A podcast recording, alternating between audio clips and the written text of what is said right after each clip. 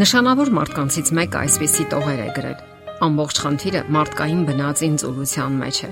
Նա չի ցանկանում ջանք թափել, աշխատել իր վրա։ Հարցրու ցանկացածին եւ բոլորը ցանկանում են սուրբ դառնալ, սակայն ոչ մեկը չի ցանկանում աշխատել իր վրա։ Ինչու՞, որովհետև ծանր գործ է աշխատել սեփական բնավորության վրա եւ վերահսկել այն։ Հաջողության տանող վերելակը չի աշխատում։ Օգտագործեք աստիճանները եւ քայլ առ քայլ բարձրացեք վերև։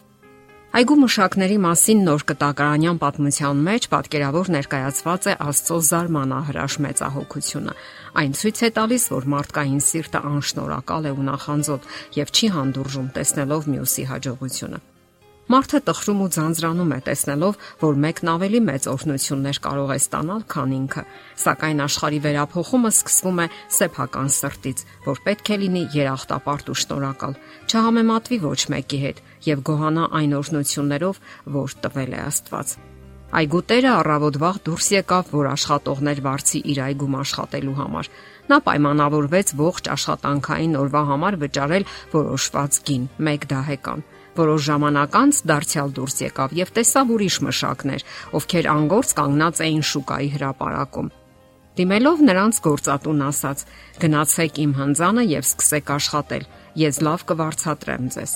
Մշակները սկսեցին աշխատել Այնուհետև կեսօրին եւ հետո էլ մի քիչ ավելի ուշ նա դարձյալ անգործ մշակներ հravirեց, որpիսի աշխատեն իր հանձանում։ Իսկ աշխատանքն ավարտելուց մոտ 1 ժամ առաջ տերը դուրս եկավ եւ տեսավ եւս մի խումբ, որ անգործ կանգնած էր։ Ինչու եք պարապ կանգնել, հարցրեց նա, որովհետև ոչ մեկը մեզ չի հravirել աշխատելու, պատասխանեցին նրանք։ Լավ, գնացեք իմ այգին եւ աշխատեք։ Եվ ահա աշխատանքային օրվա վերջում Տերը կանչեց իր կառավարչին եւ կարգադրեց. Կանչիր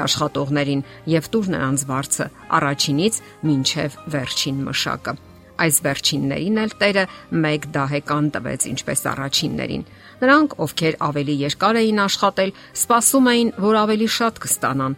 Սակայն բոլորն էլ մեկ դահեկան ստացան։ Ստանալով վարձը նրանք սկսեցին տրտնջալ։ Այսինչ է, ովքեր ընդամենը 1 ժամ աշխատեցին, մեզ հավասար ստացան, բայց չէ որ մենք աշխատեցինք ողջ օրը, կեսօրվա տապին դիմանալով։ Միթե դա արդար է։ Բարեկամ, ասաց Տերը, ես չեմ նեղացնում կամ էլ չեմ խափում ձեզ։ Արդյոք մենք 1 դահեկանի չպայմանավորվեցինք։ Դու վաստակել ես քո դրամները, վերցրու դրանք եւ գնա Իսկ եթե ես ցանկանում եմ այն վերջիններին էլ վճարել լրիվ օրվա համար, ապա միթե իրավունք չունեմ վարվելու այնպես, ինչպես ցանկանում եմ, թե իմ առատաձեռնությունը նախանձ է առաջացնում։ Եվ այսպես ամփոփեց Հիսուսը. Վերջինները առաջին կլինեն, իսկ առաջինները վերջին։ Այս պատմությունը ոչ միայն Աստվածային փրկության պատմություն է, այլև կոչ է անում ուրախանալ ուրիշների հաջողություններով եւ օրհնություններով եւ ունենալ երախտապարտ հոգի սեփական օրհնությունների համար։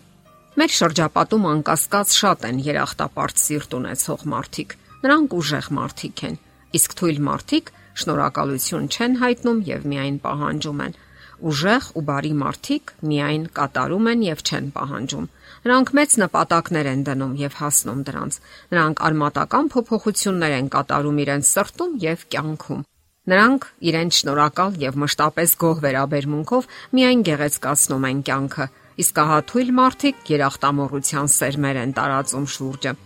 Դրանով նրանք դառնացնում են ոչ միայն իրենց, այլև ուրիշների կյանքը։ Եվ կա արդյոք ավելի մեծ ուրախություն, քան գնահատել ուրիշի լավ արարքները եւ տեսնել այդ մարդու ուրախությունը։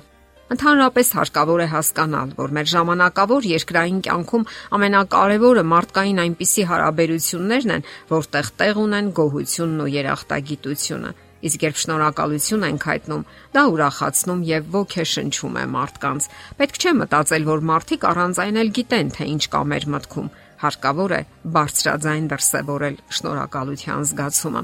որովհետև միայն այդպես է հնարավոր վերափոխել հասարակական կյանքն ու այն միջավայրը, որտեղ ապրում ենք։ Սկսիր քեզնից։ Ահա ամենագործուն ուղին, որ հիմնվում է Աստվածաշնչյան ուսմունքի վրա։ Այդպիսի կյանքը վերափոխում է թե անհատին, թե այն հասարակությունը, որտեղ ապրում ենք մենք։ Քրիստոնեության քաղաքականությունն է լինել երկրի աղն ու լույսը, համ տալ աշխարհին եւ լուսավորել կյանքը բարի ազդեցություն թողնել շրջապատի վրա։ Աստվածաշնչում կարդում ենք. Սրանով կգիտենան ամենքը, թե իմ աշակերտներն եք, եթե իրար վրա սեր ունենաք։ Եթե գոյություն չունի այդ սերը, ուրեմն ձևական է քրիստոնյա կոչումը, որ մարդիկ սիրում են թեթևորեն շռայլել։ Քրիստոնեությունը սկսվում է յուրաքանչյուրից, ով ձգտում է իր առաքինի կյանքով վերափոխել հասարակությունը, ում համար անկարևոր չէ մարդը։ Հենց դու Այսպիսին է քրիստոնեական գաղափարախոսության էությունը։ Պետրոս Արաքյալը նույնպես կոչ էր անում, որ քրիստոնյաներն ապրեն այնպիսի կյանքով, որ օրինակ լինեն, այլ ոչ քրիստոնեական բարի դավանությունը հայհոյվելու պատճառ։ Կարդում ենք. «Եվ բարի խղճմտանք ունենաք, որ ինչ որ բանի համար չարախոսում են ձեզանից, ինչպես չարագործներից, ամոթով մնան նրանք, որ Քրիստոսում ձեր բարի վարքը բամբասում են»։ Սկսեք ձեզնից այդպես եւ ճիշտ է եւ քրիստոնեական։ Եթերում ղողանջ հավերժության հաղորդաշարներ։ Ձեզ հետ է Գեղեցիկ Մարտիրոսյանը։ Հարցերի եւ առաջարկությունների համար զանգահարել 033 87 87 87 հեռախոսահամարով։